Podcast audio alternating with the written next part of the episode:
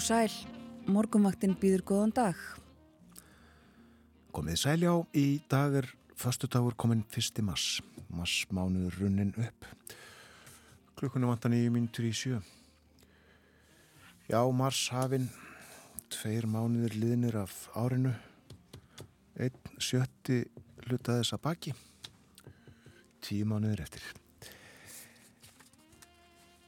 Áður við hugum að verinu þá getum við þess að uh, nýr prestur var með okkur hér áðan flutti morgumbæn og ordagsins Benjamin Rapp Böðvarsson. Hann er prestur í fjardabigð verður með okkur næstu morgna. En uh, það er verið það er kallt á landinu þar að segja það er uh, frost um allt land 60 frost til dæmis í Reykjavík uh, léttskíð hægur vindur. Fjórastega frost Stafóldsei þryggjastega frost í stikkisólmi allskíja þar fjórastega frost á Patrísfyrði og fimmstega frost í Bólungavík austan 7 metrar í Bólungavík fimmstega frost á Holmavík sexstega frost bæði á Blönduósi og við Söðunisvita fimmstega frost á Akureyri fimmstega frost líka bæði á Húsavík og á Rauvarhöfn sexstega frost á Skeltingstöðum fimmstega frost á Eilstöðum norðvestan átt þar 5 metrar fjórastega frost á höfni Hortnafyrði og þryggjastega frost bæði á Kvískerjum og á Kirkjubæðaklaustri tveggjastega frost á Stórhauða í Vestmanægum, norðan 11 þar sexstega frost í Árnesi. Og uh, tveggjastafa frosttölur á Hálendinu tíustega frost á Hverjavöllum 11 stega frost á Káranhjúkum og 12 stega frost í Veiðvatnarhaunni 7 metrar þar á sekundu Já, uh, létt skíjað í höfuborginni og uh, við sáum tunglið á leið okkar til vinnu í morgun til tölulega látt á lofti. Á söðurhimninum eða já í söð-söð-vestri líklega svo við séum nú nákvæm. Og uh, tunglsetur verður í dag rétt upp úr hálf nýju en um það byrjum þá er einmitt sólin að koma upp og það verður uh, norðanátt á landinu í dag. Það bætir í vind á landinu. 8 til 15 metrar á sekundu og kvassara í vindstrengjum söðaustan lands síðdegis. Og það er svona sérstök aðtjóðasemt frá veðufræðingi um það. Það verða kvassir vindstrengir og hviður um og yfir 30 metrar á sekundu við vatnajökul og undir Mýrdalsjökli setnipartin og það getur verið varasamt. En eh, annars má búast við jæljum á norður og austurlandi og allra sýst á landinu snjóar fram að hátegi úr snjókomu bakka sem lónar við ströndina en fjarlægist síðan. Annar staðar er þurr og bjartur dagur í vændum. Það er kallt og viðbúið að frostið bítikinnar í norðan næðingnum í dag, segir í hugleðingum viðfræðings. Frostið á bylnu 2-10 stygg. Það lægir víða um land á morgun með sólríku veðri og verður kallt áfram fallegur vetradagur áfram í kortunum á morgun eh, eins og við bóðuðum í gær. Snýst svo í austanátt á sunnudag, hægan vind á vestanverðurlandinu, bjartviðri og minkandi frost en það gengur í austan 8 til 13 metra á sekundu austan til á landinu með slittu en síðar regningu og hita yfir frostmarki. Það er svo hiti í kortunum í næstu viku frá og með mánudegi austanátt ríkjandi áfram sínist okkur. Og miðugudag verður hitin orðin á bylunu 3 til 8 steg en hitanum fylgir þá stíf söðaustanátt og svo litil væta.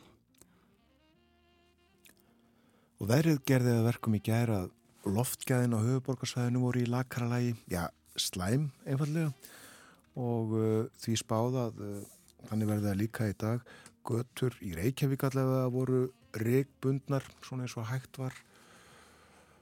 En eh, borgaríðuvöld kvöttu fólki gær eða vinnuveitendur til þess að heimila fólki að vinna heima í dag. Senda út sérstök fréttum það frá Reykjavíkuborg. Já, eh, loftgæðin með þeim hætti og það fylgir oft þessum lignu dögum á þessum árstíma og uh, hvað til þess já að, að fólk geti verið heima, vinna fjárvinnu sé þess kostur, draga úr akstri af hægtir og fólk sem er viðkvæmt fyrir í öndunafærum uh, aldraðir og börn ættu að forðast útivist í lengri tíma og takmarka áreinslu í nágranni stóra umferðargatna. Annars er hálka á þjóðvegum landsins, uh, mjög víða síst þó á söður og söðu vesturlandi en uh, þæfingur er á fróðárheiði og niða mokstri þar, þæfingur líka á steingrimsfjörðarheiði og uh, snjóþekja eða hálka á flestum öðrum leiðum á vestfjörðum, snjóþekja líka víða á Norðurlandi. Þetta er svona það helsta. Nú, ára sýftingar í stjórnmálunum í fjörðabið í gerðkvöldi, meirluta samstarfið þar slitið, framsóknamenn kvöttu þau í fjárðalistanum þau var starfað saman á undarförnum og framsóknarmenn alltaf hefja viðræður við sjálfstæðismenn. Um myndu nýs meiri hlut að gera það í dag meirum þetta og eftir. Við hlustum á lag fyrir til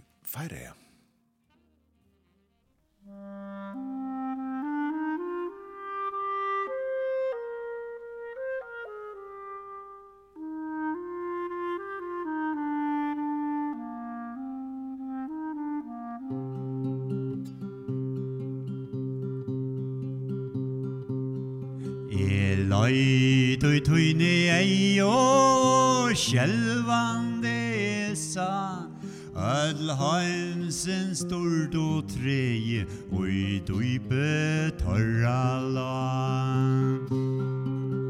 Titrande lussens gleie og hjartans eima tra. Bjart långslen stå i loa Men etter sorgen bra. Heimsins vittlo aura og bylgjan djupte sa Og dreimsins kama grunan av deian stoldo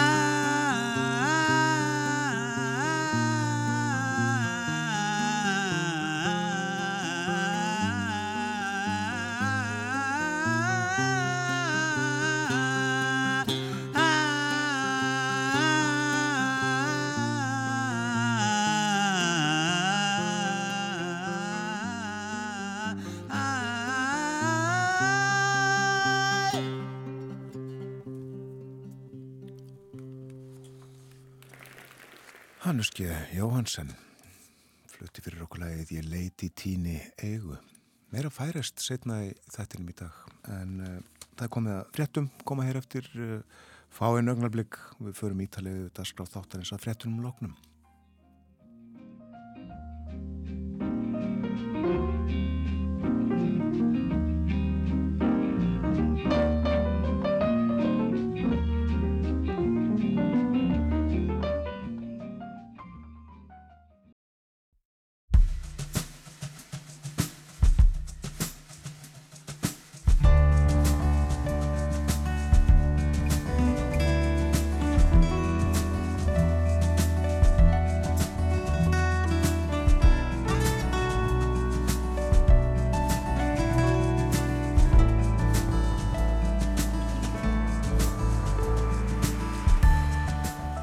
Dag. Morgunvaktin heilsar fastu daginn 1. mass. Umsjónamenn þáttarins í dag eru Björn Þór Sigbjörnsson og Þórun Elisabeth Bóadóttir. En er umtalsverð verðbolga í landinu, þó ekki sé hún jafn mikil og fyrir ári þegar hún fór yfir 10%. Að samanskapi eru vextir háir og hafa verið undanfarin misseri. Allt hefur hækkað í verði, vörur og þjónusta og ekki síst lánin. Hvernig reyðir fólki af í dýrtíðinni? Við spyrjum umbóðsmann skuldara Ástu Sigrúnu Helgadóttur. Hún varir hjá okkur upp úr klokkan halv átta. Færiðingar eru einstök gæðablóð. Það síndi sig enn og aftur á dögunum þegar þeir söpnuðu peningum fyrir grindvikinga vegna eldsumbrótana. Tíu miljónir íslenskra króna söpnuðust á fáeinum dögum í gegnum Rauðakrossin í færiðum. Við spjöllum um færiðar og færiðinga á eftir. Við heyrum í aðal ræðismanni Íslands í Þórsöp Ágústu Gísladóttur. Hún verður í símanum hér upp úr hálf nýju. Og Kristján Sigur Jónsson, rittstjóri vefsins FF7 verður með okkur líka og fer yfir ímislegt tengt ferðamálum. Flugfélagið Play, ný ferðamálastefna Íslands og fækkun gistináta hér á landi eru meðal þess sem að Kristján fer yfir með okkur eftir morgunfréttinnar klokkan 8. Það eru horfur á ákettisveri í dag og næstu daga og uh, þá að hlína eftir helgi. Verður sem sagt kallt í dag og um helgina. Svo tekur að hlína Já, og fínir uh, vetrar dagar framöndan en það verður kvast á Suðausturlandi í dag. Sérstaklega kvast uh, vindstrengir og kveður setnipartin en annars 8-15 metrar á sekundu og uh, bjartviðri en jél þó á norður og austurlandi. Snjó koma svona allra sýst á landinu uh, fram undir háttegið. Og það er hálka á vegum og uh, þæfingur á stökustad, uh, til dæmis á Fróðarheiði og einni á Steingrimsfjörðarheiði og uh, snjóþekja á vegum á bæði vestfjörðum og Norðurlandi. En uh, tölum aðeins aftur um það sem við nefndum hér áðan fyrir fréttinnar þessa kvartningu borgar yfir valda til uh, fólk sem að vinna heima í dag, fólk sem hefur tök á því og það er náttúrulega að fengnu leifi vinnuveitenda. Já, það er þannig að styrkur Svifriks hefur verið hár á flestum mælistöðum í borginni, var það í gær og aukumenn kvartir til þess að skilja bílinn eftir heima í dag og þau sem geta að vinna í fjárvinu. Það er kvart til þess á VF borgarnar og var sendt sérstök frettatilkynning vegna þessa. Og þar sem að er hægurvindur, götur þurrar og uh, voru ekki líkur á úrkomu, líklegt að styrkur söfriks fari hækkandi í tengslum við álagstíma í umferðinni. Og uh, það átti og var rigbundið í nótt. Þjóðvegir í þjættbíli og helstur stoppgötur til að draga úr uppþyrlun. En almenningur já kvartur til þess að draga úr nótkunn engabilsins ef undir. Geimaferðir sem eru ekki aðkallandi nýta sér frekar almenningssamgöngur, sameinast í bíla eða nota aðra vistvæna samgöngumóta og það er skorað á fyrirtæki að hvetja starfsfólk til að vinna fjárvinnu sé þess kostur. Og líka teki fram að fólk sem er viðkvæmt fyrir í öndunafærum forðist útivist í lengri tíma og takmarki árenslu, sérstaklega í nákvæmni stóra umferðargatna. Og það er ekkert að skoða nánar uh, um svifriksmengun uh, og það er inn á VF Reykjavíkuborgar og líka uh, er umhverjustofnun með loftgæða VF sem að metur loftgæði á hverjum stað fyrir sig. Fundu verður í Karpúsnu klukka nýju, hefst klukka nýju í dag og uh, þángað mæta þau frá samtökum atvinnlífsins og þau í verkalýsreifingunni, eh, til dæmis Vilhjálmur Birgisson, formadur starfsgrunnarsambandsins og hann er uh, spurður út í svona framhald mála hér á fórsíðu morgumblaðsins í dag og segir við munum mæta í dag og hlusta á hvað SA hefur fram að færa en maður fer hóflega bjart sín með þau síðustu daga. Já, fundurinn hefst klukka nýju. Sýriði Margret Ottsdóttir, framkvæmdastjóri samtaka aðtunlífsins aðið samtali við mbl.is í gerðkvöldi að hún væri ekki hrifin að því að viðræður færu í átakafarveg en það skipti fyrst og fremst máli við þær aðstæður sem nú væri uppi að fækka óvissu atriðum frekar en að fjölga þeim. sérstætt máli í gangi sem að sagt er frá á fórsíðu morgunblöðsins. Við uh, munum þegar uh, ríkið laðið fram kröfur sínar í þjóðlendumálunum, kröfur á því svæði sem er nefnt uh, svæði 12, tekur til eiga og skerja og þetta fór ítla í Vestmanæginga og fleiri. En Þórhildur Þorstinsdóttir, hún fekk bref frá ríkinu Hún er bóndi á Brekku sem er bær í Norðrárdal í Borgafyrði og uh, í því var uh, krafa um að uh, hluti af landi hennar yrðu, yrðu þjóðlenda. En uh, eins og áður saði að þá taka þessa kröfur til eiga og skerja en uh, Þórhildur býr á bæ sem er lengst inn í landi.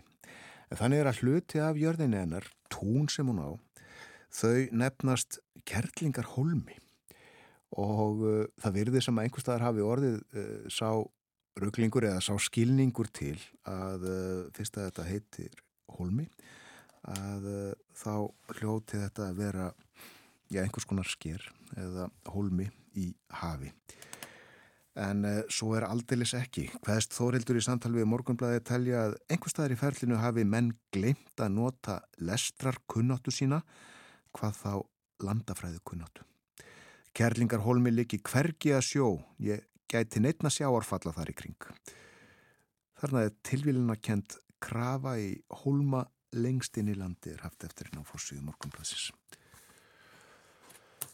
Nú, uh, við ætlum að... Uh, tala aðeins um uh, örnefni hér á eftir. Fyrst kannski aðeins út í heim hvað er svona helst á, á forsíðum þeirra blada sem við skoðum snemma á mótana þórun Það er á forsíðum blada í já, bæði bandaríkjunum og Breitlandi til að mynda og á, á vefsíðum. Nú í morgunsárið einn frétt áberandi og uh, hún er af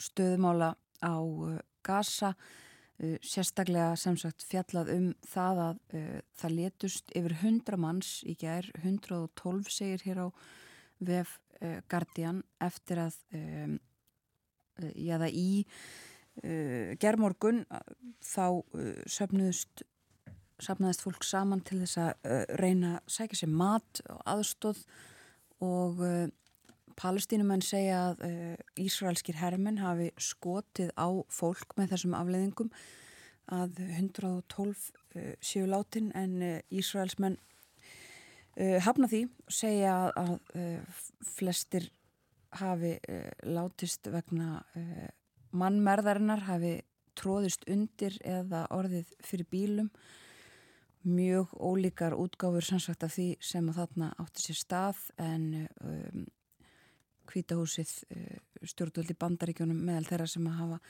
kalla eftir því að þetta verði rannsakað ofin í kjölinn það sem þarna gerðist. En e, bara dæmi um, um e, neyðina sem að ríkir á gasa e, og það er auðvitað þekkt og hefur mikið verið fjallað um það að það er ekki nándanari mikil, nógu mikil uh, aðstóð og uh, neyðaraðstóð sem að berst þangað inn. Uh, hefur verið komið í vekk fyrir að bílar, vörubílar fullir af neyðaraðstóð komist inn á gasasvæðið frá Ísrael og, og Egiptalandi Þetta er svona stóra frettin sem að er mjög víða um, og Svo er það líka frettin um uh, útför Alexei Navalny sem að á að fara fram í Moskvu í dag. Hún er til að mynda á uh, forsýðunni á politíkan í Damörku að uh, og það er raunar engin frett, það er bara stór mynd svona uh, eins og andlátstilkynning um uh, þetta uh, þá að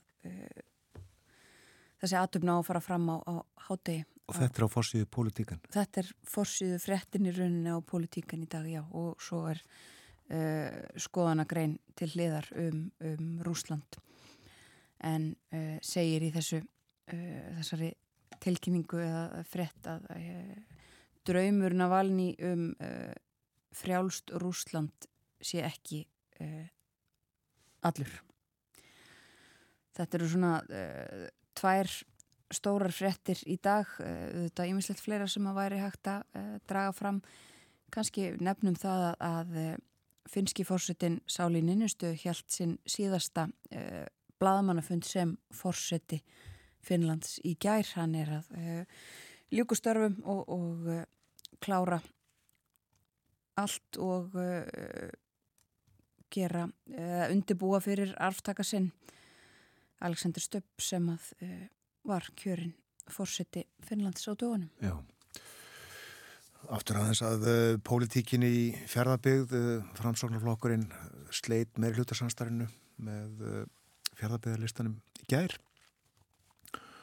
og tilkynnti um leið að fráslunamenn ætlu að hefja viðraður um myndun ís meiri hluta með sjálfstæðismönnum en uh, það voru breytingar á stjórnskipulagi fræðslumála í sveitafélaginu sem að uh, settu allt í loftu upp ef svo maður segja. Uh, það hefur verið náðust bísna breið samstaða um breytingar en eitt bæja fulltrúi fulltrúi fjárðalistans Hjördís Helga Seljan Þóróttsdóttir hún var á móti. Og því fór sem fór þess vegna tóku framsóknar með þessa ákvörðum. Það fjallaði um þetta á austufrétt.is og uh, já, þar kemur nú fram að uh, Hjördis Helga er ekki uh, einum það að vera ekki hrifin að þessum breytingum því að skólastjórnendur grunnskóla í bæðifélaginu þeir segja að ekki hafi verið haft samráði þá við undirbúning breytinga á skólun sveitafélagsins þeir áttast að skólaþjónusta skerðist og telja aðgerðirnar mögulega brjóta gegn kjærasamningum.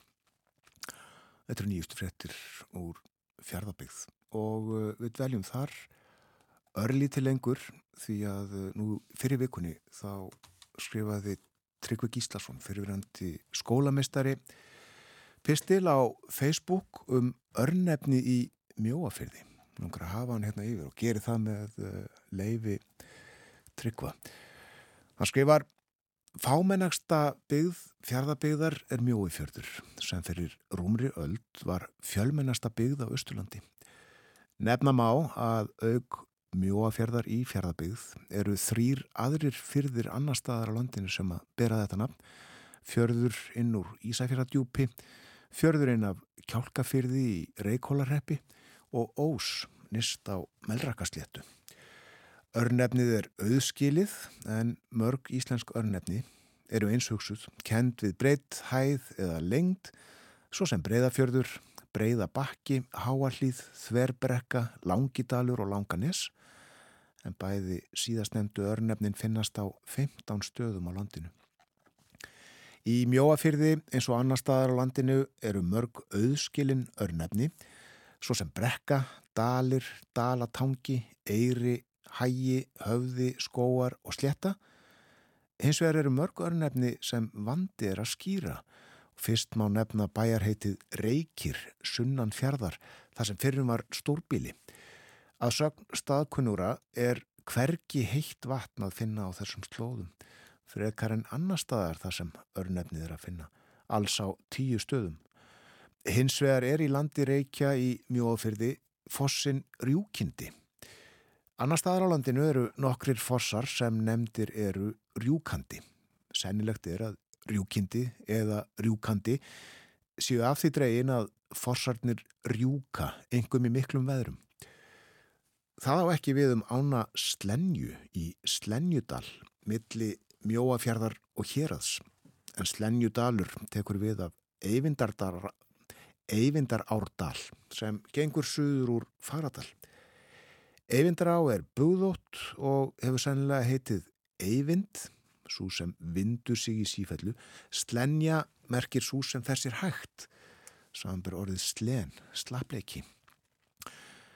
Til gamans, skrifa Tryggvi, má skjóta því hér inn að í Ljósavaskarði er lítil áeðalækur, afar búðóttur, nefndur þingmannalækur. Er haft fyrir satt að lækurinn heiti svo að því að hann fer sér hægt og skiptir oft um stefnu. Annar þingmannalækur er í eigafyrði og rennur ofan úr vaðlaheiði niður um gamla vaðla þingstaðin og gæti því verið kentur við þingmenn vaðla þingshins forna. En aftur austur í Mjóafjörð, ekru tindur gnæfir yfir milli Hestererdals og Brekkudals og draugur hugsanlega napsitt að því hversu brattur hann er. En ekru örnefni hér og í Nóri eru tengt bratta má nefna örnefnið Ekra Klettar, norðan Hestfjalls í Grímsnesi. Hins vegar er talið að flest ekru örnefni séu tengt akurirkju. Og niður undan ekru tindi, niður við sjói, stendur Sandhús sem áður var kotbíli úr landibrekku. Örnefnið er að því dreyið að ströndin undir höfðanum inn að borgar eirar á heiti Sandur. Ekki þótti gott að byggja húsitt á sandi, en það reisti fæðiminn Gísli Kristjánsson, sjómaður og útgerðamaður fættur í sandhúsi í Mjóafyrði, hús á Norrfyrði og kallaði Bjarg. Og af því fylgdi mynd með þessari færslu á Facebook. Og uh, tryggvi laug pislinum á eftirfarandi orðum, þannig hafa örnefni áhrif á líf fólks. Já, Tryggur Gíslason var eh, skólamestari mentaskólans á Akureyri og uh, það verður líf og fjör á Akureyri um helgina eins og alltaf reyndar en uh, sérstaklega á morgun lögadag og það í Glerárkirkju en uh, þar munu klukkan fjögur fjórir karlakórar samin að krafta sína í söngskemtun. Já, þetta er söngmót og það ber yfirskiptina Hæ Tröllum. Þetta er áttunda sinn sem Karlakór Akurirar geysir. Stefnir Karlakórum til Akurirar og uh, nú gerir hann það í samstarfi við Karlakór Eyjafjörðar og uh, gestakóratnir eru tveir, Karlakór Kópavóks og Karlakór Dalvíkur. Og kóratnir ætlaði að flytja nokkur lög hver fyrir sig og uh, síðan sameina kóratni krafta sína, flytja nokkur klassisk lög úr sögu íslensks Karlakórasöngs. Þetta verður sannsagt í Glerarkirkju klukkan fjögur á morgun. Ég heldur sé við hæfi að uh, hlusta á Karlakóra Akurirar geysi. Hér er uh, morgunstund.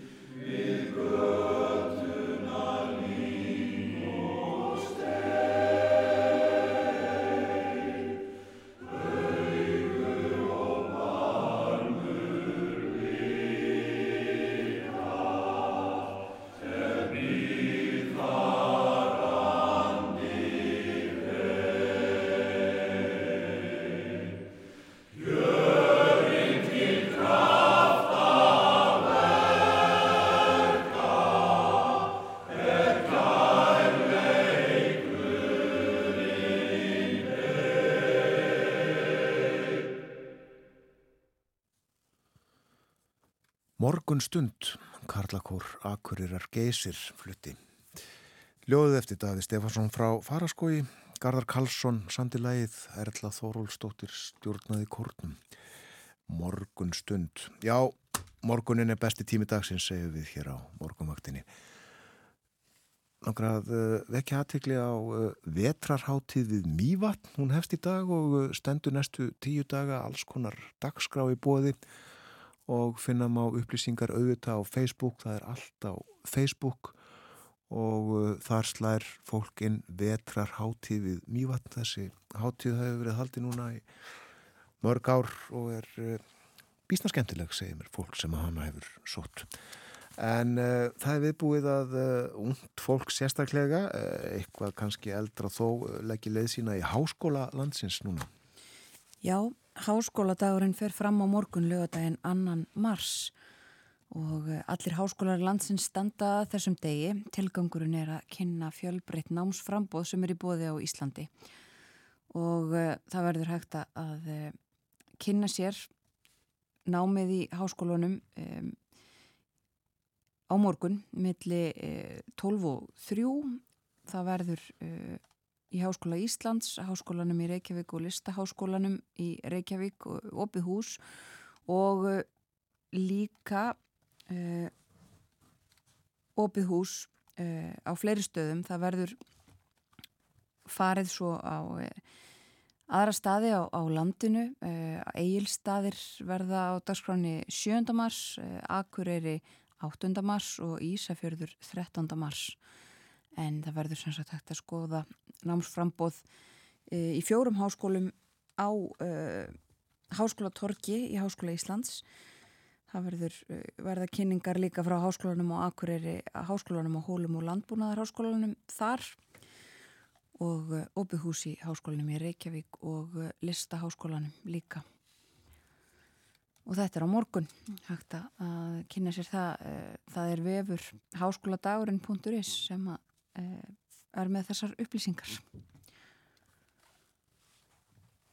En eh, við ræðum hér rétt á eftir um stöðumála í, í samfélaginu. Það er verbulga dýrar að vera til. Verbulgan hjaðnaði örlítið í nýjustu mælingum. Ekki eins mikið og búist hafi verið við. Nei eh, eða vonast til.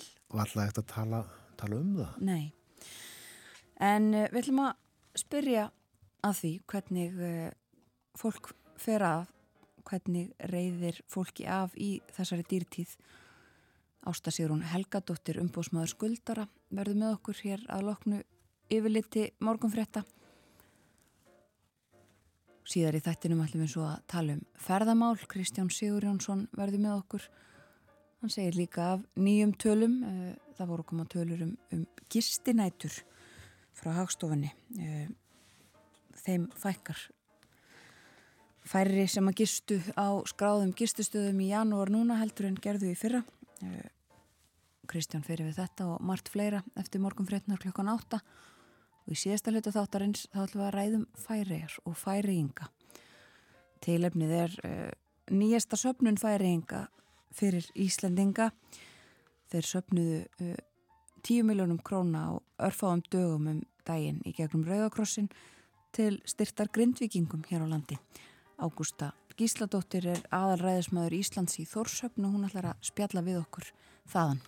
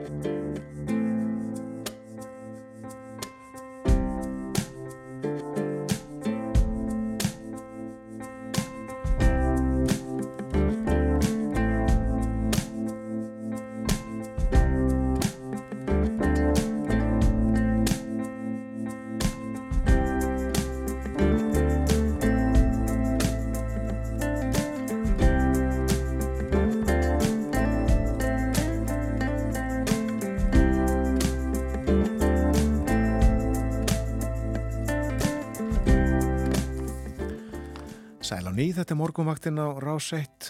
Það er förstu dagur í dag, 1. mars, klukkan réttliðilega halv átta. Já, góðan dag, þið sem á voruð að vakna eða kveikja á útastækinu. Umsjónamenn þáttar eins í dag, Björn Þór Sigurbjörnsson og Þórun Elisabeth Bóadóttir og við fylgjum ykkur til nýju í dag og ætlum eins og við höfum sagt frá áður að eh, heyra til dæmis í eh, ræðismanni Íslands, aðalræðismanni Íslands í Þórsöfn Tilefnið er uh, þessi söpnun, fjársöpnun færaenga til handa grindvikingum eftir eldsumbrotin og uh, Kristján Sigurjónsson verður líka með okkur. Tölum um uh, ferðamál eins og við gerum annarslægið á morgunvaktinu, hann verður með okkur hér eftir morgun fréttunar klukkan átta.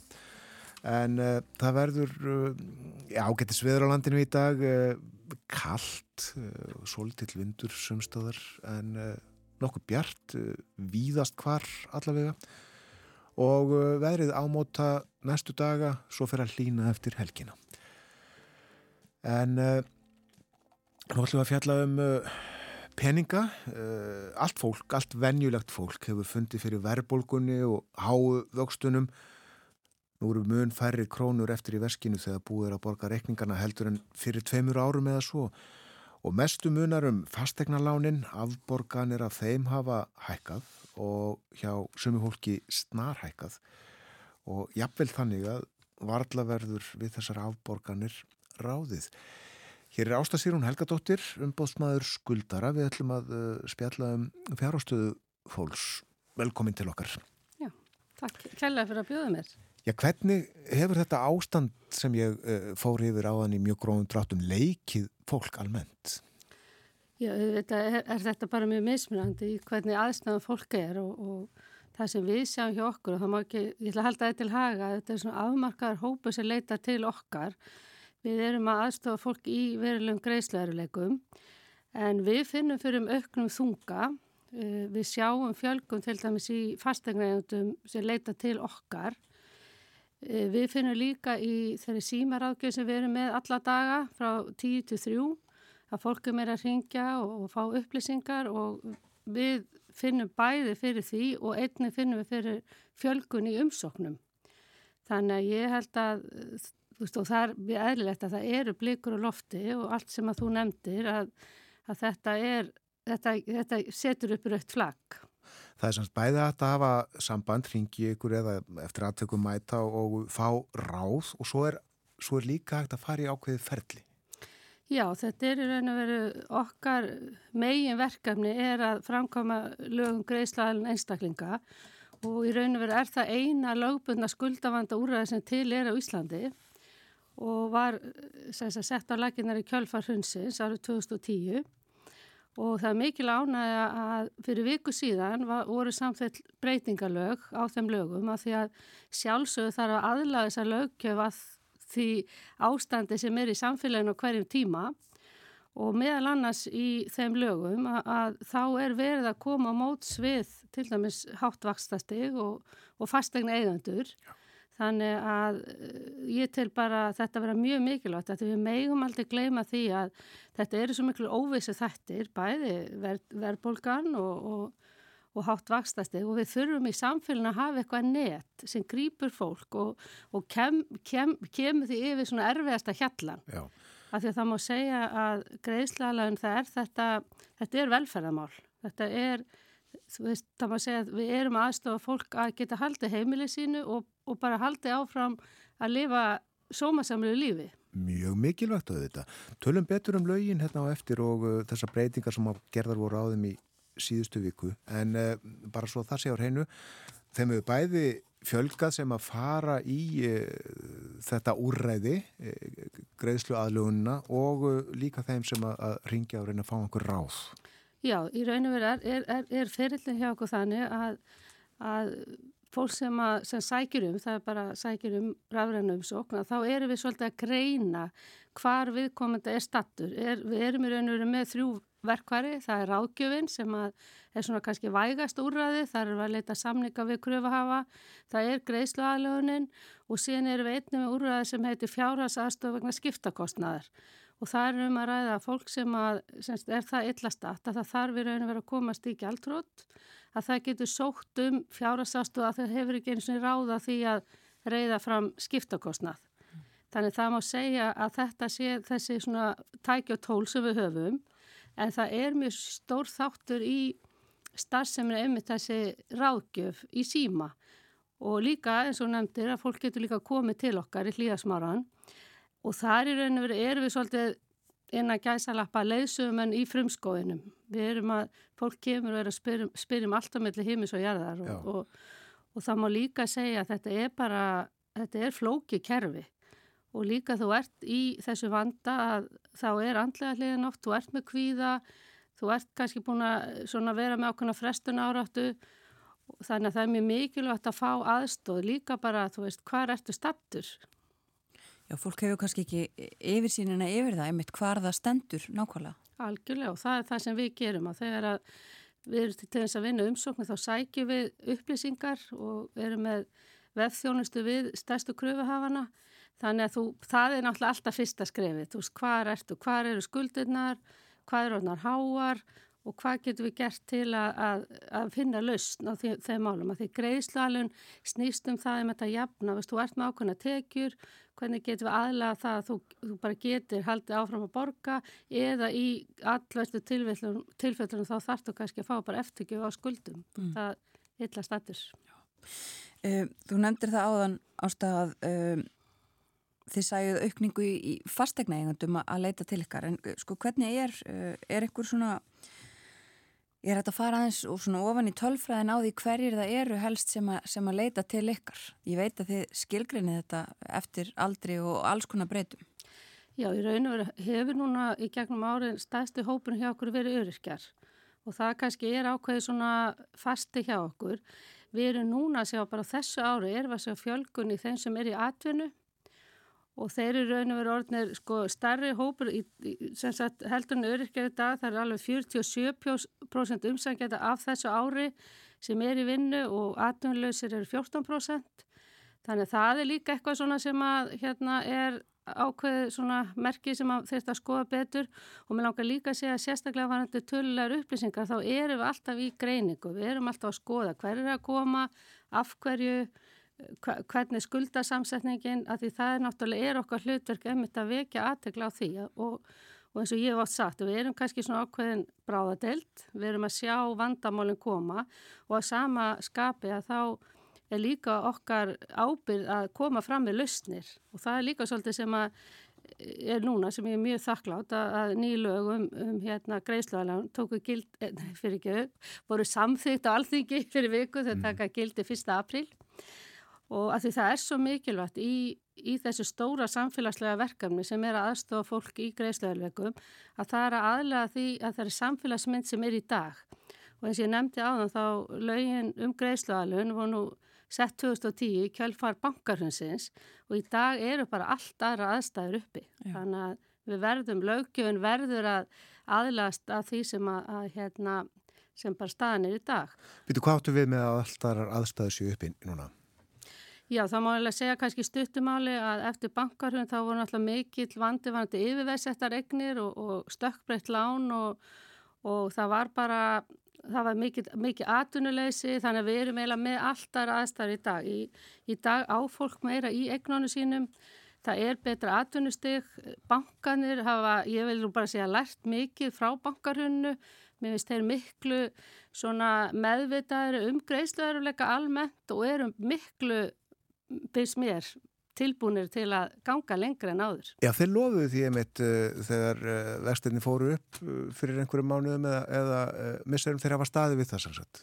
Já, ég finn ekki annað og það má kannski líka nefna að það sem hefur líka gest, sem er líka, að það kom það þetta tímabil lára, lára varsta, en nú finnum maður að það er mikið flæði yfir í verðtrygginguna aftur af því að greiðslubyrðin er læri Og ég veit sem dæmi að bankarnir hafa líka verið meira fræða fólk hvað þetta þýðir. Þú veist, eða kannski sumið segja kannski ég vil bara fara í verðrygginguna en þá er meiri svona verið að skýra út.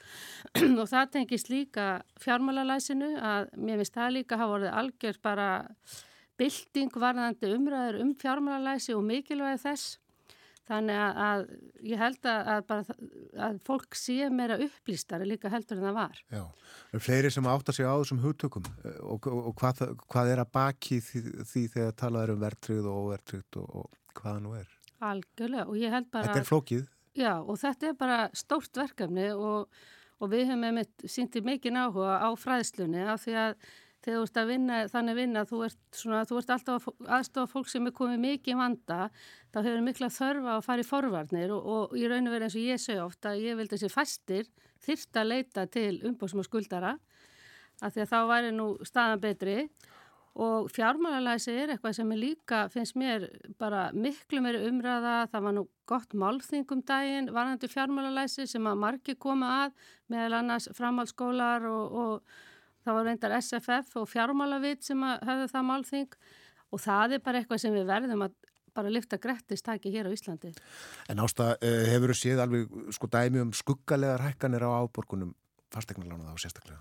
Já, já, það hefur náttúrulega sést bara og, og, og er náttúrulega bara Veist, við, við kvetjum alla sem sjá það að fara, fara til bankasins og, og skoða hvað hægt er að gera því að það má ekki gleyma því að á sama tíma og það er hækka þá er allt annað að hækka, mataverð og allt, allir framfæslu kostnæður þannig að við bendum öllum á því fyrr því betra sem við svolítið svona skoðar og hver eru tekjutæðinar og hvað er, hvað er annað þannig að mjög mikilvægt að skoða þetta strax. En kannst eitthvað dæmi um uh, hækkanir? Já, það, þetta er náttúrulega mjög mismönd eftir hvernig lánin eru en þetta getur verið alveg upp í mörg hundru þúsund sem að kannski er að hækka greiðslubyrðin og, og það er náttúrulega launin hækka ekki sam, samræmið það þannig að en auðvitað er þetta mjög mismönd og líka mismönd í hvað stöðu fólk er.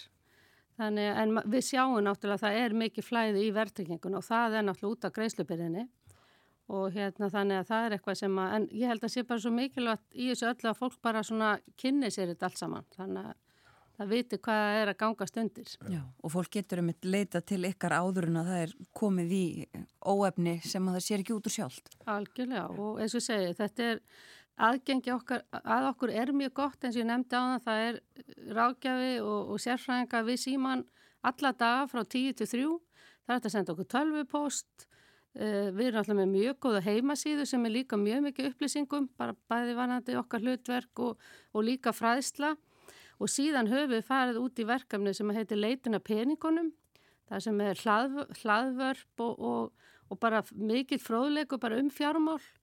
Þannig að við erum að gera allt sem við getum til að, að, að bæta þetta en, en mér langar kannski bara að leggja áherslu á þetta að bara almennt varandi það að lenda í greiðsluðarleikum, það geta allir lenda í greiðsluðarleikum og það er mjög mikilvægt að spórna við því eins og við getum og það, get, það getum við meðal annars með, með, fræ, með hérna fjármálafræðslunni en á sama tíma þurfum við að hafa eitthvað net sem að, sem að teku við fólki sem er náttúrulega eins og greiðsluðarlegun og við þurfum bara að hafa það eins, eins gott og við mögulega getum. Hver eru helstu nýmæli í lögunum sem við hefum nefnt hér? Já, þá má segja að sko í raun og veru megi markmið er að gera málsmeðferna skýrari og skilvirkari og meðal annars það sem hefur kannski verið ákveðið svona vandkvæði er að ná þessari heildstæðu mynd að þegar þú komir í gegnum greiðslaðalögun að þú sért með alla skuldir þann inni. Það eru náttúrulega undathegnar hérna, skuldir meðal annars eins og meðlaskuldir og, og skuldir vegna námslána og annað.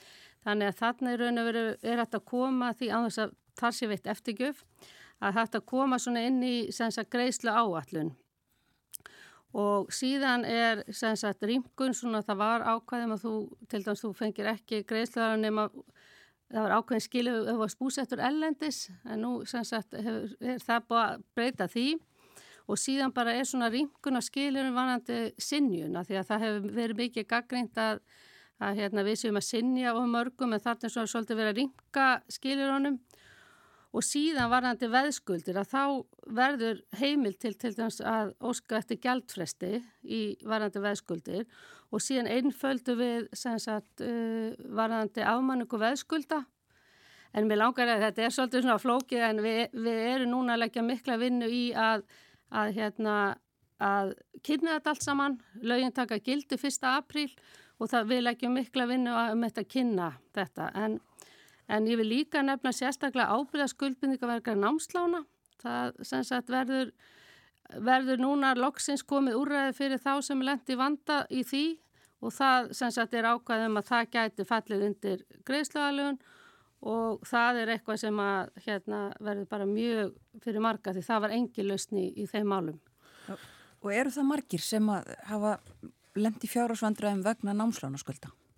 Já, þetta raun og þessi hópu sem að lendi því þegar ábyrðaskuldbindika voru felda niður hjá, hjá hérna mentasjóðu námsmanna að þeir sem voru í vanskilum að þar var ekki sem sagt ábyrðamenn sem fellu niður og, og í raun og hefur ekki verið neinn löst fyrir þá. Þarna er komin ný löst en ég vil taka fram að sjálfsög þurfa þeir að vera í fjárasæruleikum þannig að þeir þurfa að fara inn í, inn í það ferli en þetta er bara ný, nýtt úrræði sem að hérna, teku gildi fyrst april sem við, við, við munum líka kynna betur. Það þarf net, segiru. Uh, þessi lög grípa marga, það reglukerfi sem að, að þau sem sagt móta og uh, þið hjálpleg auðvita, en er netið hérna nægilega gott? Það má alltaf gera betur, en ég verð að segja því, ég er nú búin að vera mjög lengi í þessu málaflokki, að það er, mér finnst það að gæst mjög mikið og mér finnst líka sem við þurfum alltaf að hafa í huga það er þessi tilfinningarlega hlið veist, þetta, er, þetta er grav alvarlegt mál. En fólk er ennþá að missa heimili sín og það getur ekki verið samfélaginu til hagsbúta. Alls ekki og það er náttúrulega mikið keppi keppli að forða forða, forða öllum frá því en, en að sjálfsög getur líka komið til að það fólk bara ráði ekki við þetta og það missi heimilsi því miður en þá það líka verið eitthvað nett, veist, hvað tekur þá við, og þá eru við líka komið, ég glemdi nú kannski að nefna það að stæsti hópin hjá okkur er að leikumarkaði það er bara alveg upp í 60% umsækjenda sem segir líka kannski mikið um stöðu þeirra sem leita til okkar. Við höfum þetta að tala um afborganir af fastegna lánum en, en það kostar nú sitt að leia líka. Nákvæmlega, þannig það er, þetta er kannski þetta er svo marg þætt en við þurfum náttúrulega bara sem samfélag að vera líka meðvetuð um þetta og gera allt sem við getum bæði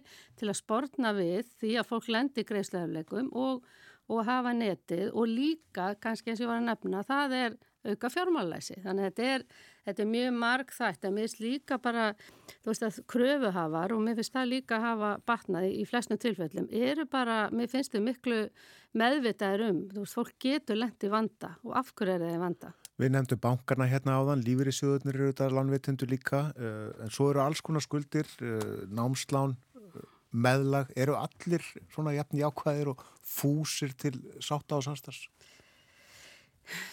Ef ég er nú heiðarlega þá er, er það mjög mismunandi og, og það er líka kannski, sko, varandi meðlun þá er það nú nýmæli að innhemtaði komið núna til Síslumannsins á Norðurlandi og það verða kannski breytinga þar en, en til dæmis varandi mentasjóð þá finnst mér nú pessulega margt með kannski laga þar og, og við þurfum líka að hafa þetta kannski í svona fá þessa félagslegu sín inn eins og þú nefndi er að missa heimilisitt er náttúrulega grav alvarlegt og það hefur ekkert bara áhrif á eitt, það hefur áhrif á marga, það hefur áhrif á börn, fjölskyldur og samfélagi heilta því að þetta er bara að lendi svona er bara skeðing á lífskeðum, þetta hefur áhrif á andlega hlið, veldu miklum kvíða og öðru þannig að, þannig að þetta er bara stórt verkefni fyrir samfélagið og við þurfum líka að vera svo meðvitum um þetta. Já, horfa á þetta svona sem held að því eins og við segjum ekki bara það að missa heimilisitt, þetta er allt saman, uh, já það lítur að vera öllum til hagspóta einmitt að fólk fái þá einhver úrræði þó að það uh, get ekki greitt af öllu eins og, eins og samningarnir sögðu til um upprunalega, heldur en að fólk neðist til þess að fara í gældfrótt. Algjörlega, það er bara, það er, það er keppikefli og svo náttúrulega tengis þetta líka fjármálæsinu að að reysa sér ekki hurðar á sem veist, við erum alltaf líka erum að tala um alls konar neyslulegán og, og og auðvelt aðgengi að lánum og það reynir líka á einstaklingin að, að því meira frelsi, því meira þarf þú að byrja ábyrða sjálfum þér og ég er enn og aftur komin að fjármálalæsinu. Er ennþá þetta að taka svona smálán sem, já, já, sem að leikum marga grátt? Já, já, það er náttúrulega þessi þessi, raft, þessi fjártækni fyrirtæki sem hafa náttúrulega verið mjög ábyrjandi hérna á Íslanda og náttúrulega bara því takka og þá ertu komið með lán. Já, og margi fastir þar í klóm. Já, já, og þetta er náttúrulega mjög ó, með dýrlán og, og en á sama tíma þá er þetta, tengist þetta því að bera ábyrja á sjálfum sig líka. Þannig að hérna, þetta já. er eins og segi, við erum alltaf komin að fjármálalæsinu. Við hefum ekki taka ábyrðin algjörlega af fólki. Nei, nei, það má ekki heldur og svo náttúrulega er eins og hérna atvinna ástandi tengist líka, ég menna svo sjáum við líka bara uh, fólk er á, sem er á mjög lágu launum og bara ná ekki dendu saman í íslensku samfélagi og það er náttúrulega líka eitthvað sem að við þurfum að vera alltaf vakandi yfir. Já, Já það þarf segja sumir að, að stokka og gefa upp og nýtt. Við kannski förum ekki alveg í þá samröðu hér núna. Nei, það er nú kannski ekki alveg Já, já, mér, ekki þitt verkefni, nei.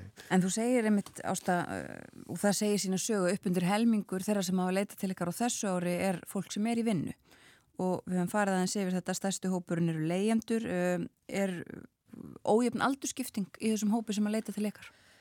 Sko það hafa nú verið svona svolítið breytingar á því en það var náttúrulega ungur bara yngsti aldursópurinn frá 18 ára sem var stór hópur á tímabili og það var einmitt eins og þú nefndi smálánin. Já.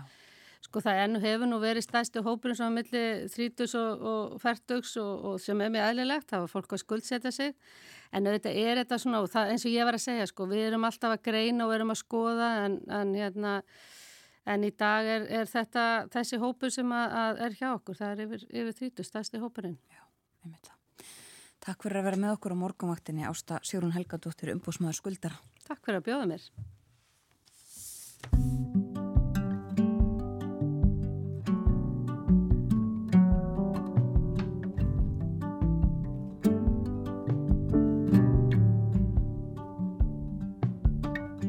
I miss my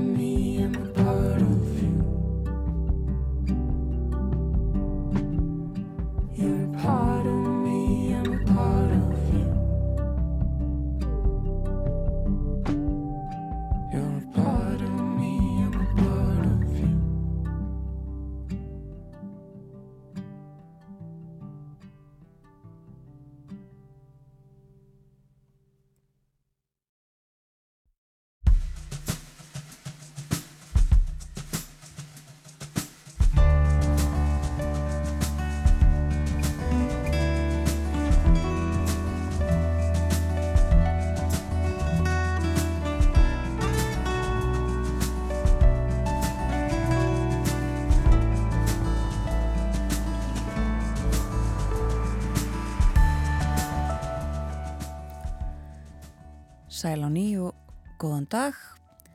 Morgumvaktin heldur áfram hér á rás 1. Klukkan tæpar 6 minútur gengin í nýju á þessum förstu degi. Fyrsti mars í dag. Alexander Kristjánsson fór yfir veðurhorfurnar áðan. Það er eh, kallt en fallegt veður víða. Hversir svo litið í dag. Það er hálka mjög víða á vegum, þó síst á söður og söðvestulandi en þar eru víða brótólur í vegum og vegfarendur beðnir að aka með gátt. Hér fyrir fréttinnar var með okkur Ástasirún Helgadóttir umbóðsmáður skuldara. Hún fór yfir stöðumála uh, þar uh, ákveðin vísbending sem að þau þar hafa um uh, stöðumála í samfélaginu fleiri umsóknir að berast og fleiri að uh, spyrjast fyrir um fjármólinn og, og uh, fá hjálp. Það er eftir að gera það uh, og leita ráðgjafar án þess að fara inn í þessi úrræði sem umbúsmaður skuldara hefur. Greiðslu aðlögunar úrræði. Hún fór líka ítalega yfir breytingar á lögunum um þessi mál sem að taka gildi eftir mánuð 1. apríl. En eh, við minnum á það líka að í síðasta hluta þáttarins þá ætlum við að ræðum færegar og færeinga. Ágústa Gísladóttir, aðal ræðismöður Íslands í Þórsöfn verður í símanum hjá okkur upp úr klukkan hálf nýju. En nú er komið að ferðamálunum og eh, með okkur er Kristján Sigurjónsson, reittstjóri FF7, heil og sætl og góðan dag. Góðan dag. Við ætlum að byrja á uh, nýjum tíðendum. Við höfum auðvitað rætt uh, reglulega um uh, flugfélagið Play. Við ræðum auðvitað um flugfélagun bæði íslensku oft en Play hefur verið að skoða og, og leita sér að, að nýju fjármagni og, og það var tilkynnt í gæra að það hefði tekist, er það ekki rétt? Jó, mikið rétt. Nú er konið fjórin miljardar í nýtt hlutafjö. Félagið tilkynnti það 8 februar síðastliðin að það var í ætlinin að reyna að fá inn 34 miljardar í nýtt hlutafjö og við, þá er efri mörgonu náð. Það var, það var tilkynnt í gerð kveldi og, og, og því bætt við reyndar að þetta efna svo til almenns eh, hlutafjörur útbóðs þar sem í bóði er þau þá hluti fyrir 1,2 miljardar króna þannig að það er þá ætlinin að ná í þá rúmlega 5 miljardar króna samkvæmt þessu og með þessu á styrkja sér stöðu félagsins og, og hérna og gera því kleifta til dæmis að verjast óvæntum atbyrðum en það því hafi náttúrulega verið rakið svolítið af stjórnendum play að það hafa svona veist, heimsfaraldurinn hafi reynst erfiðar en lagt var upp með á sínu tíma og hækkun ólíuvers í fyrra hafi líka komið ítla við rækstu félagsins og þess vegna hafi svona áforminn um afkomi félagsins ekki gengið eftir. Play hefur náttúrulega verið ekki með miklu tapi þau þrjú ár sem félagi hefur verið í loftinu og Það er nú í annað sinn að bæta við hlutafið, það var líka gert í nógumber 2022 og, svo, og það eftir þá viðbót við það hluta, þessi hlutafjárútbót sem voru sumari 2021 þar sem fengust um 10 miljardar króna. Þannig að þetta eru mikla háar upphæðir en, en, en þá er staða play miklu tryggar í dag en hún, hún var í umsýstum mannavót. Já. Og það voru flestir eh, af þessum stóru eða stærstu eigandum sem að tóku þátt í þessu og ætla að ég halda áfram þessari uppbyggingu hjá Play. Já, það eru í hópi stærsti hlut af Play eru, eru enga fjárfæstar en, en líka fjárfæstingarsjóðir og, og, og lífyrirsjóðir og, og þessir verðast allir alltaf að auka hlut sinn en, en það kemur svo í ljós kannski betur síðar þegar nýr hlutafalisti verður byrtur hvernig hérna, þetta lítur út og hversu mikið hver og einn læði til í, í þessari hlutafjárökningu en það er allavega verist vera stemming meðal allavega stærstu hlutafannum að halda áfram að stiða við baki á flugfélaginu. Já, einmitt það. Við fylgjumst áfram með þessu og, og eins og segir þá að uh, segja meira eða bjóða út meira og uh, plegi alltaf sér líka að fara yfir á aðalmarkaðin í, í kaupöllinni hér á Íslandi uh, síðar á þessu ári. Já, mikið rétt þannig að þetta er, og fyrir, já, fyrir mitt þetta ára og skrá brefin á, á þennan aðalmarkað kaupallarina, þannig að, þannig að það er náttúrulega kostur við play umfram það sem var til dæmis með vá að, play er skráða hlutabrefmarka og þarf að opna bækur sína mjög reglulega og þá fæst skýrari mynda á stöðu félagsins heldur en við fengum af, af stöðinu hjá vá á sínum tíma. Já, einmitt. Já, fylgjast með þessu eins og ég segi, eh, en við ætlum að eh, fara í annað. Það komu nýjar uh, gistináttatölu frá hagstofunni bara í gær og, og uh, þær eru áhugaverðar.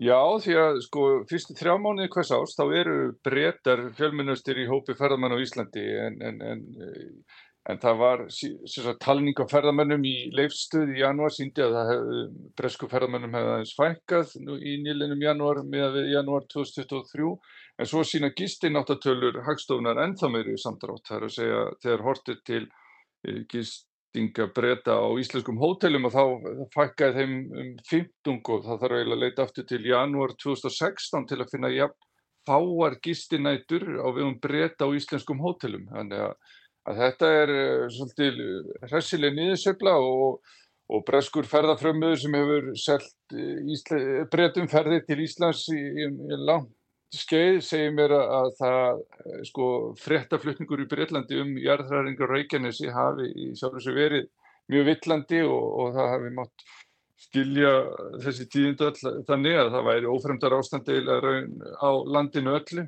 Og hann segir mér að, að, að það sé nú hægt að skýra þetta út fyrir fólki sem ringi inn og, og eða sendi inn fyrirspurnir en, en, en það er náttúrulega bara lítið hluti af, af þeim sem hugsanlega hefði farið til Íslands nú í, í vetur sem að hafa samband, margir bara hætta við einfallega eftir að hafa lesið um ástandmála í, í, í, fjölmjölum í Breitlandi, þannig að hann segir ástandið séu slæmt, en, en svo sér maður að rundar í þessu gistináttatölum að, að frönskum gistináttum að þeim fjölgaði, þannig að eitthvað hafa, eru frakkar tilbúinir, meira tilbúinir í slægin en hinnir, þannig að þetta eru enn samt sem áður, eins og ég sagði á þann að breytar eru það fjölminir yfir vetramánin í Íslandi það er náttúrulega mjög slæmt ef, ef þeim fyrir að fækka á þessum tíma ást því að, að þetta er til að jafna þessar ástíðasveiflir í ferðartjónastundu, þá skiptir náttúrulega gríðalegu máli þessi ströymur fólks til landsins í janúar, februar og mars. Já, einmitt.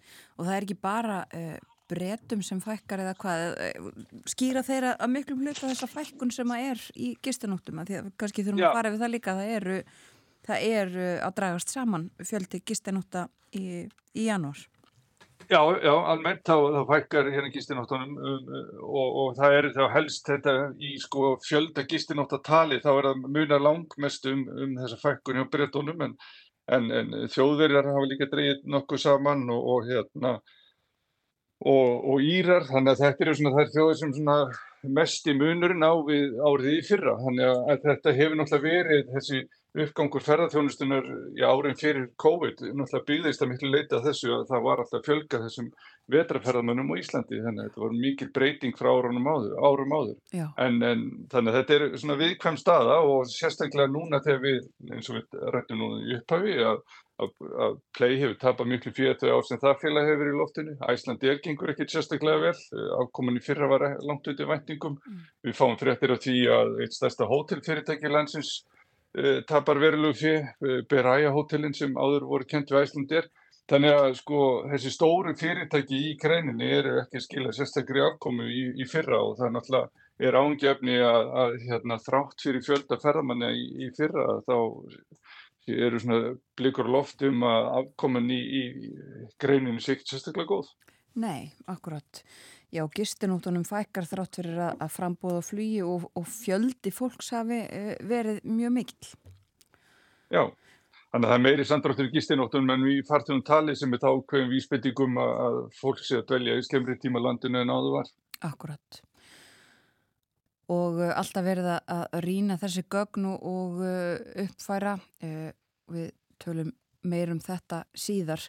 En við ætlum að fara í leifstöð, hafa stutt að viðkomið þar eins og fólk þarf að gera sem að bæði kemur til landsins og fer hérðan og það eruðu breytingar í leifstöð á dögunum, það er ekki lengur hægt að fara þangað og, og kaupa sér gældiri Nei, öll viðskiptið með gældiri hafa leiðið niður í, í februar en Arjónbanki hætti bankafjónustöðu í, í leifstöð í lók januar eftir útbóð og Erlend fyrirtæki tók við en, en það fyrir félag verist ekki verið að koma með öll svona þau leiði sér þarf til þess að sísla með gjaldir í flugstöðinni. Þannig að það er þeir sem vilja fara til útlanda með eitthvað reyði fyrir vasanum þeir verða að, að skaffa sér það áður en lagt er í hann út á flúvöld því að það er ekki tætt að fá neina dollara, danska krónur efrur þar en, en, en samkvæmt þeim svörun sem ég fæ frá Ísafi þá vonast til að það verði bætt úr þessu uh, svona mjög fljótlega. Já, uh, voru, veistu það, uh,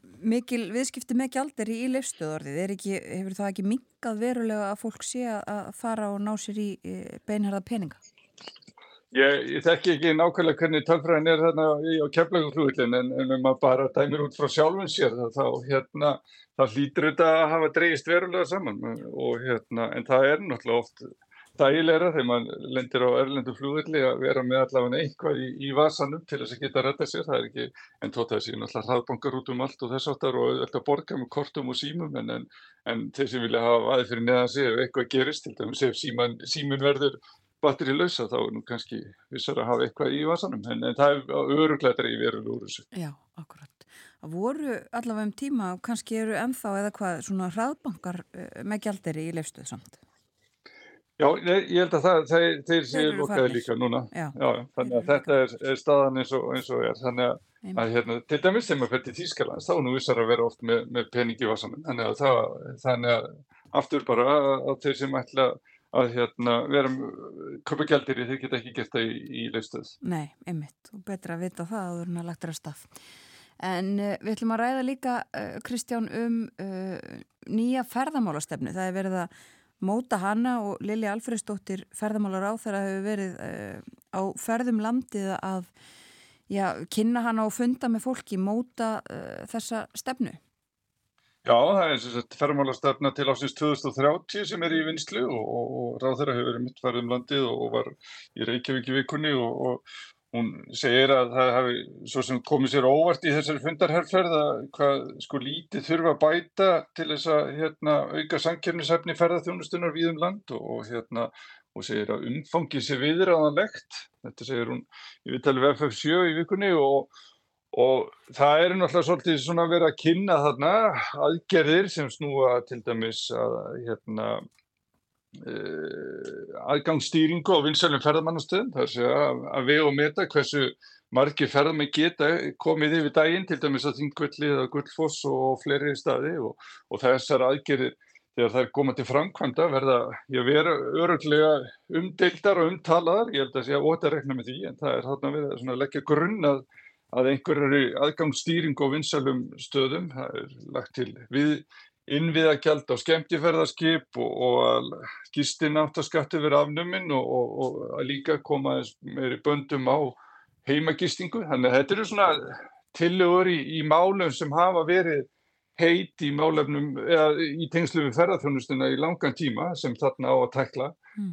En eh, eins og ég sagði aðan þá er það kannski já, eitt helsta ángjöfni fyrir ferðarþjónustuna núna er þetta hversu ítla gengur að reyka uh, fyrirtækin með uh, næjanlegum hagnaði. Það er nú kannski svona stærsta viðfangsefni núna en það er ekki tekið fyrir þessari ferðarmálastefni en, en, en það er meira lagt til að leggja línunar um hvernig ferðarþjónustan er að þróast til ásins 2030 en, en svo má velta við fyrir sér að það er náttúrulega ekki volið langt í 2030 þannig kannski þarf fyrir en síðar að horfa lengar fram í tíman. Einmitt, já, það hefur verið kallað eh, svona eftir sterkari stefnu og, svona sín á það hvert eigi að fara með þessa stóru grein sem eiginlega svona uh, þróaðist uh, já, óvart eða svona ekki óvart en, en án þess að það væri svona uh, mjög viðtæk stefna eða, eða áformum hvernig þróunin ætti að vera. Jú, jú, og svo það hefur verið talað um þetta lengil til dæmis að, og það er það sem Lili Alfreds stóttir kemur inn á við þessu viðtali að, að það er náttúrulega þessi umræða um að opna inn á fleiri fljóðvelli þar sem fá erlend fljóðfélög til þess að fljúa til, í meira mæli til Akureyrar og Egilstaði og, og, og þetta er svona gengi hægt og nú er breska fljóðfélagi EasyJet að fljúa til Akureyrar vær ferðir í viku frá Lundunum en, en svo sér maður í þessum nýju gistináttatölum hagstofunar að það verður engin sérstök aukning í fjölda breskara hótelgesta á Norðurlandi til dæmis núni í janúar mm. og, og samkvæmt þeim sörun sem ég fengi þá er skýringin já, miklu leiti svo að það eru helst sko íbúar fyrir norðan sem er að nýta sér þessar flugferðir til, til Breitlands. Þeir hafi verið meiri hluta í þótum EasyJet og þar að lendi breski ferðamenn í minnilhuta. Þannig að, þannig að það eru, eru akkurreiringar sem að teki því fegin senda að geta flóið mísitjett beint til Lunduna, miklu frekar en að breyta sig að fagna því að koma beint norður. Einmitt það, já. Við segjum þetta gott af ferðamálum í þetta skiptið. Kæra þakkir fyrir í dag Kristján Sigurjónsson, rittstjóri FF7. Takk fyrir mig.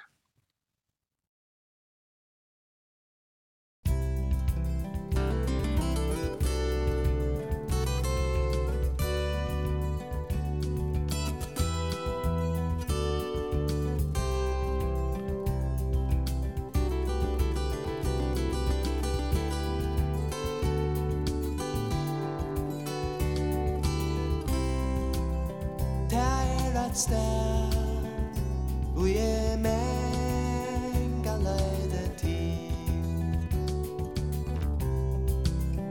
Eit heim er tær Som er alt du elskar vi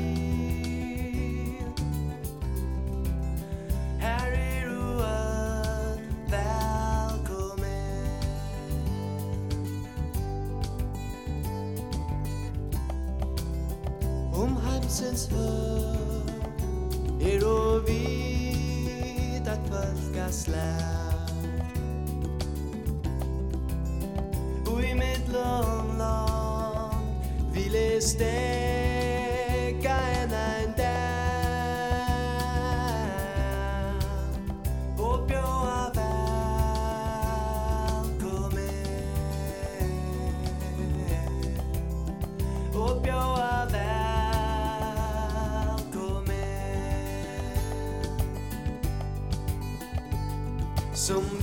Liggjande og i hesun heime Så varst du lær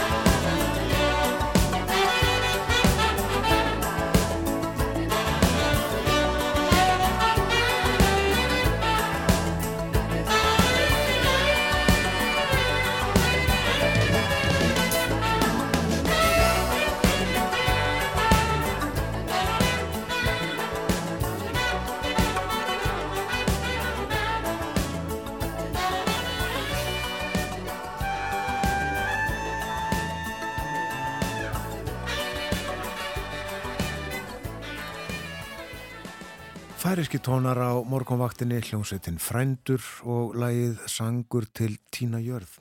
hér fyrir morgun þá leikum við annað færist lag. Þá uh, herðum við Hannuski Jóhansen syngja Ég leit í tíni eigu og ég vekk að á eftir þá ætlum við að heyra í Guðrið Hansdóttur. En uh, frettæðulitið kemur hér eftir smástund á slæðinu hálf nýju uh, heyrum fyrstu auglýsingar og eftir frettæðulit þá ringjum við með til færiða til Þórsarnar þar er Ágústa Gísladóttir hún er aðal ræðismadur Íslands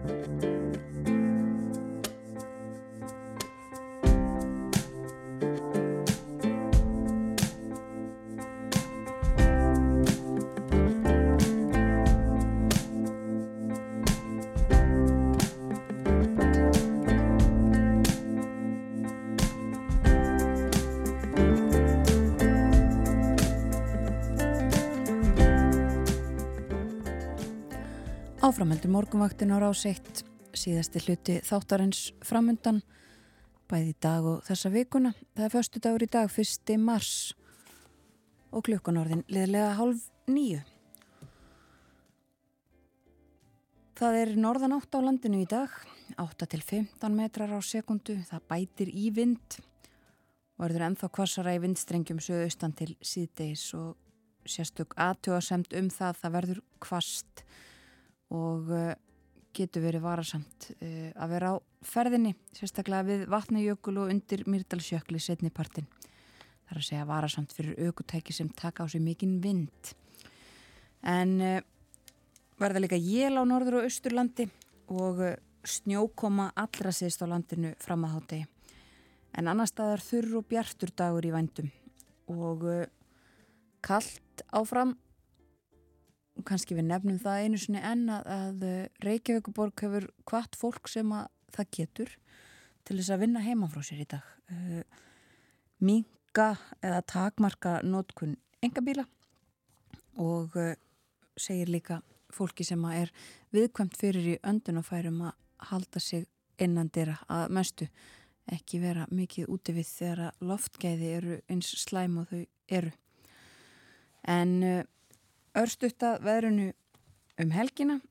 Það sest hæði við landið á morgun og það lægir víðast hvar með létt skíðu veðri eða hiðríkju en áframverður kallt það er útlitt fyrir sólríkan og fallegan vetrardag á landinu á morgun lögadag það verður svo líka hægviðri og bjart á vestanverður landinu á sunnudag en austan til mun ganga í austan 8 til 13 metra á sekundu með slittu en síðar regningu og hýta yfir frostmarki og hýtin verður svo yfir frostmarki eh, að minnstakosti fram, eh, fram eftir næstu viku.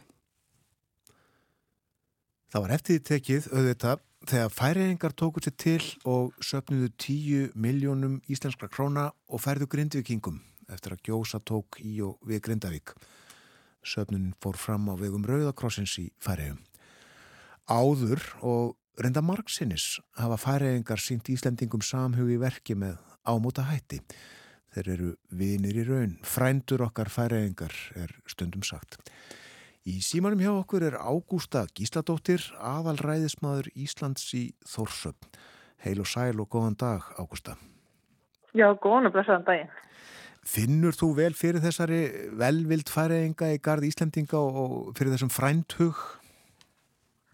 Já, það má alveg segja það til dæmis að eins og Hannes Pétursson saði hérna í bókinni Átján Eirnar að hvergi, maður er eiginlega hvergi minni útlendingar heldur henni færið. Já. Og við erum svona frendur og sérstaklega eldra með það. Og það voru þessi samskipti sjómanna sérstaklega sem er stór þáttur þessu held ég.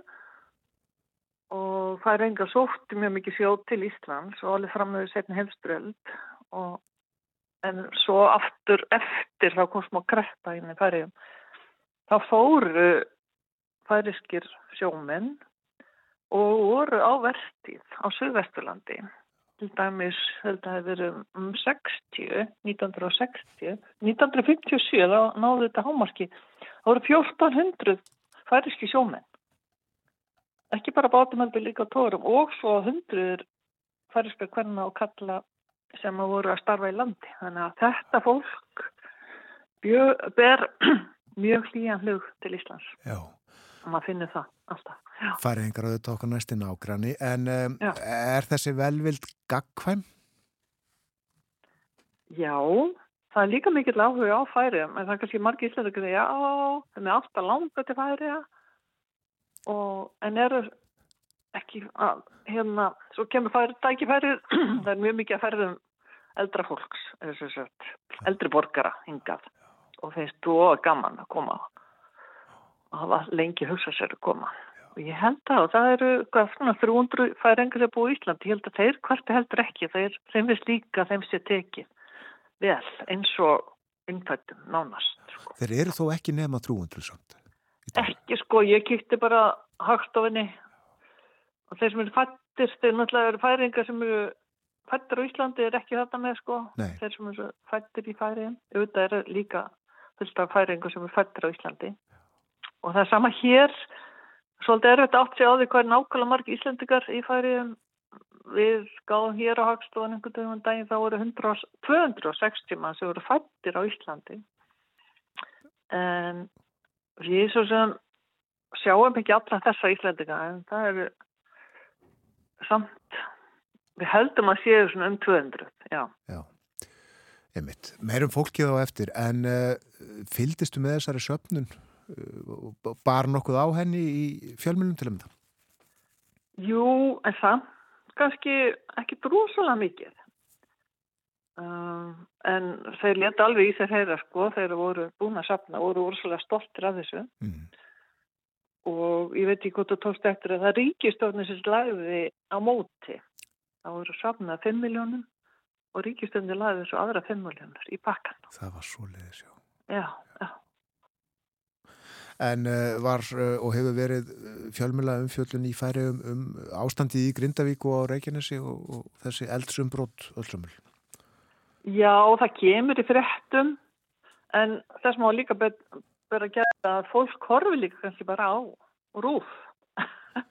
Já, hér ef þú ert með ákveðin pakka sem tilivarpið, þá er rúf þar og það er ótrúlega margi sem, að, sem bara horfa á rúf.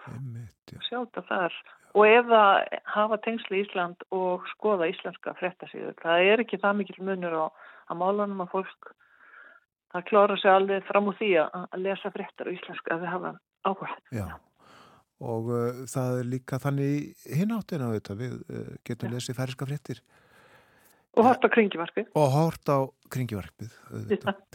kvf.fo er síðan þar. já, Já.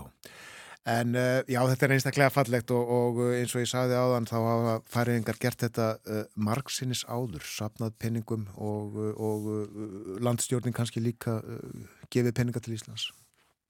já það er kannski verð hæst held ég þegar maður ég kom yngi og hitti fólk þá hitti hérna þávarandi þeirra sem heitir Kai Leo. Já, og hann var sér sagt lögmaður í hruninu og rafskapla stoltur að geta sagt frá því þeir gáttu lána okkur pening engin annar vildi lána okkur pening og, hérna eftir hrun já, það mjög er að tákna. það er mjög eftirminnlegt, takkrænt, já, já, já, já og þeim fannst algjörlega sjálfsagt Já, ekkert mál.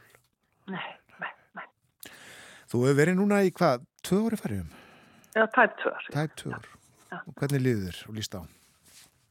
Vel, uh, þetta er eins og segja, þetta er nánast ekkert eins og verið útlandum og ég kemur Reykjavík uh, og þá flytt til Þórsafna sem er að starfið Akureyri. Og er að mörguleiti svipuð Akureyri. Mm. og auðvitað er málir annað. En það má alveg, má tiltúlega fljótur að venjast í og geta, geta hérna klóra sér fram úr samskiptum á færisku eða það er við kallum þess að blandin á færisku Já, en það má segja að færinga þeir eru alveg ótrúlega umbröðlindir gagvart málinu. Ég á vina fólk sem er á og þau tala nánast dönsku en samt færisku, Íslendingar sem tala íslensku færisku og svo eru náttúrulega auðvitað fylgta fólki bara Íslendingar og aðri sem tala fullkona færisku en svo eru máliskur en, en þetta skiljaður allt Já, og ekkit vandamál. allar stöðvar opnar einhvern veginn Já, Já. já, já. Það er svo dásalegt. og ekkert með leiðenda aðtúa sendir ef, að- ef að eitthvað er beikt rangt eða eitthvað svoleiðis. Ekki til, sko. Ekki til. Þetta hjálpar auðvitað. já, þeir hafa vísur þá, sko, hér bygg, byggust allir við að ég myndi að tala ennsku í kom. Já, Þeir kunni hafa það, að margi íslendingar sem að leggja ekki í að fara í einhverju dönsku eða blandinu, sko, og, og fari í ennsku. Þeirra, það er svona svolítið loði við þeirri, að íslendingar, þeir tala bara ennsku. þeir þá glæðir að uh, þú skulle reyna. Já, mjög, mjög, mjög. En uh, eru færaðingar annars uh, líkir eða ólíkir Íslendingum? Og nú, er, nú, nú alhæfum við, bara lefum okkur Já. að alhæfa svolítið um þjóðar. Já, mörguleiti eru mjög lík en að sumuleiti ólík. Við erum það fiskimanna þjóðir og landbúnaðar. Uh, hér er miklu fjallendara, þannig að þau mjög finnst að vera öðruvísi í læginu og, að, og þau eru svona lit, minnu léttari, einhvern veginn. Þannig að það eru mjög margir hérna sem eiga kindur og eru það bara alltaf að hleypa til hérna upp um fjall. Já, ég bara það sést á þeim sko um, og þau eru mun trúræknari. Og, og kannski eru svona meira samfjappar, það er eins og var gamla þetta meira samhælni í samfélugum kannski. En það er þessi trúrækni sem er kannski stærsti munurinn. Og að sérst, utan þjóðkirkjunar sérstaklega. Og þessar fríkirkju sem þeir kalla að já, hvítasunnu söfnuðir. Já, og baptistar. Og baptistar líka, já. já. Baptistar, já. Og sumir segja að þetta hafi komið vegna þess að hér á árum áður þá mátti eiginlega ekki tala færisku í kirkjunni þegar hún var dönsk bara. Mm.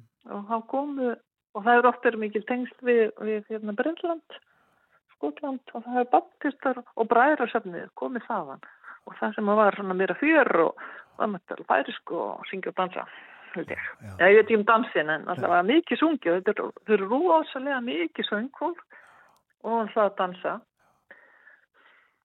Sinn færiska dans. Og kunna hann, það er alveg sem að það eru líka ólingarnir. Það er svo frábært.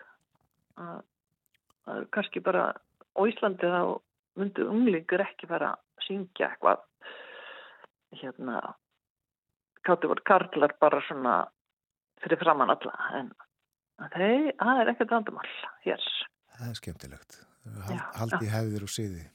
Já, já, fyrir það. En með uh, trúræknina gætir hennar í uh, þjóðlífinu uh, með sem sagt bara öðrum hætti heldur en, heldur en bara kirkjusókn og, og, og svo bænum. Aðeins, já. Og þú ert náttúrulega tilir af þessum hóp, sko. Og einhver sagði að baptistan ég, nú er ég alhæfa, sko, fyrir göðu. Já, við leifum okkur það mástu. Já, hann Pétur Prestur vinnu minn hérna í að þetta var velsandar guðfræði. Þannig að þú, ef þið gengur vel, þá lætur þú söfnið hérna á borgar til söfnuðurinn, þú horfður gott fólk og, og það ber svolítið merkju það að, að kannski það meira það að það er þess að áhuga menn í samfélagin er í þessar söfnum og ríkafólkið og, og ríku útgerðamendir er í þessum söfnum og ég veit ekki hvort að hversu mikil áhrif það hefur en og sömu flokkanir er við tengdir þessum söfnum. Að þetta hefur ótrúlega mikil áhrif, já, Verða til svona samfélög í samfélaginu. já, já. já. Einmitt. Sem er náttúrulega sko bara eðli mannsins og, og er og gott að til er að hóp, Já, já. Þú finnur styrk og fær stöðning þegar á þarf að halda. Já, algjörlega sko, algjörlega. Hvað er annars erst á baugi í færi um þessa dagana? Það er ferðamáli, ferðarþjónustan. Eða vísu, sko, því ég kíkti á kringverfi í morgun, það var stórt mál sem búið undanfæri, það er svona típist, það verið að rífast um nýja kirkju hvar hann er að standa, Já, já. hérna út í útkværi og hvort hann er að standa á svona útvistasvæði sem að margir vilja, að það var löngu búið að sér lóð, sko. En það var síðast í gær það er það samþygt að það er búið að vera undirskriftalistar og, og þetta er svona típisk mál sem að vera stórmál. Þannig að kirkjan verður reist?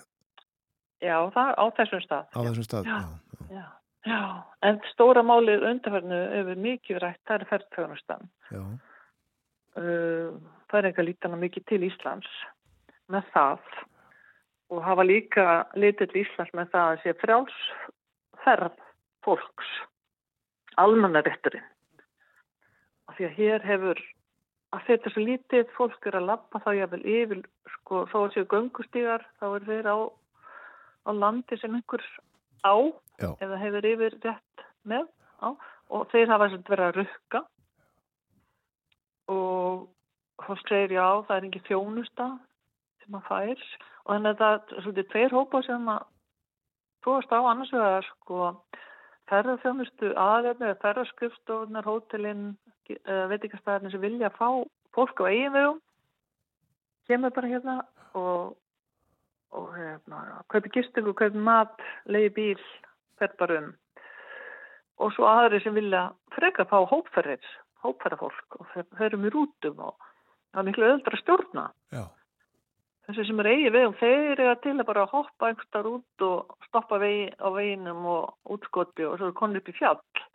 Og þar eru gildunar og það er náttúrulega mikil hætta á að vera átrúningur og ég veit að sumstaðar er þetta rosalegur átrúningur þú ert að koma, kannski skemmtverðarskip og það er 600 mann sem koma einn daginn og þetta eru 5 bóndabægir og 10 mann sem búa og skilur þið þannig að maður hefur svona skilning á því en, en sem sagt núverandi atvinnumálar á þeirra hann er búin að leggja fram drögafrumvarpi þar sem er kom, komugjöld sem myndi hluta til renna þá til sveitafélagana og landeiganda til þess að- bæta aðgengið og já, en það megi ekki rukka nema sér þjónusta. Auðvitað máttu ennþá bjóð upp á farastjórn og ferðir og allt það sko. En þetta er já það er alveg ekki þýstu þetta það, og það eru se- sex cirka 60.000 ferðamenn sem koma. Og þetta er bara svo lítið landsvæði. Að færi er samanlagt eins og halvu tröllaskæði þannig að já, já, það er nefnilega ekki stærri, sko. nei, nei. Og ferðarþjónustan er vaksandi atvinnugreinsast í landinu. Jú, og það er áhugi að reyna að stakka það aðeins og þá ekki bara í þá söfn heldur aðeins út á landi. Já, En þá samt vilja þeir ekki sko tvöfalda og tvöfalda heldur gera þetta svona í róleitunum og þá, þá frekar frekar sagt quality and quantity. já, Þeir horfa núna, ég ætla bara að segja því að Æslandi er var einhvern daginn, þeir eru þess að byrja núna fyrsta mæ, er að þeir aftur að fara að fljúa hingað frá Keflavík, 5-6 sinum í viku í sumar. Atlantik hefur sem betur fyrr við haldið upp í mjög góðu þjónustu að fljúa en aldrei meir en þrísverð viku. Og þá eru skilsmiður að Æslandir er að horfa til bandarska ferðamanna meðal annars sem kæmi þá til Íslands og tæki þá Ísland færiðar já, og það getur verið búbót líka sko. áhugavert, já, já. Já, Og já. góð hótel og þetta frábæri veitingastæður í færiðum. Algjörlega, það komu tvön í hótel bara í COVID nánast hérna, í þósöfn það er verið að byggja, það hefur verið ekki með gott að fá gistigúða landi það er verið að fara að byggja hótel í Klagsvík það eru svo lítil hótel hér og þar en, en þetta munar mjög mikið um þessi ég heldur bara mjög, ég veit ekki hvað eru mörg herbyggi á þessum tveimur hótelum en það eru þrjú stór hótel þá í, í fórsöfn sko. Hótel færa þessi búin að vera það lengi. Já. Ágústa, hver verða verkefnin í vinnun í dag? Ég er nú hort að fluga hlutar hátíð, ég er að fá gæsti en uh, við erum að hérna, taka upp nýtt, það er alltaf svo gaman það er að taka upp nýtt skjala uh, stjórnundakerfi, þannig að við erum alveg gafna við að loka gamla og byrja eitthvað nýtt. Svo kannski fáum við einhvern heimsók, hér koma öðru hverju fólk sem er að fá nýtt veðabrif og það bara, já, eins og ég sagði þér á það er alltaf, það er ekki læst hjá okkur. Þannig að það er að því að nú er að nálgast mánamót þá þurfum við að vera dulið að ganga frá gömlum málum og svolítið. Það er það sem ég ætla að gera í dag. Ákveðs förstudagsverk, já. Já, en það er alltaf nóg að gera sem sagt á skrifstofunni, Já, já. já. skrifstofunni. Þannig- Já, Við hérna, við ætluðum okkur að tala um ímislegt fleira en sko, Já. við ætluðum líka að spila eitt lag og já, ég held að við verðum eiginlega bara að gera það. Uh, já. Það er svo einstaklega fallegt og, og vel viðeigandi, þú valdir það uh, Mm. morgun í mars. Ég held ég verði bara eiginlega að fá að taka það lofurðum að fá að ringi þið brálega aftur og spjalla meira. Bara endilega, alveg sjálfsagt. Það er gaman að tala gaman. Hlustum á, á uh, Guðrið Hansdóttur og, og ég þakka þér innlega fyrir samtalið Ágústa Gísladóttir aðalræðismadur Íslands í Þórsöfn. Og takk sem að les. Takk, takk. Bless, bless. Bless.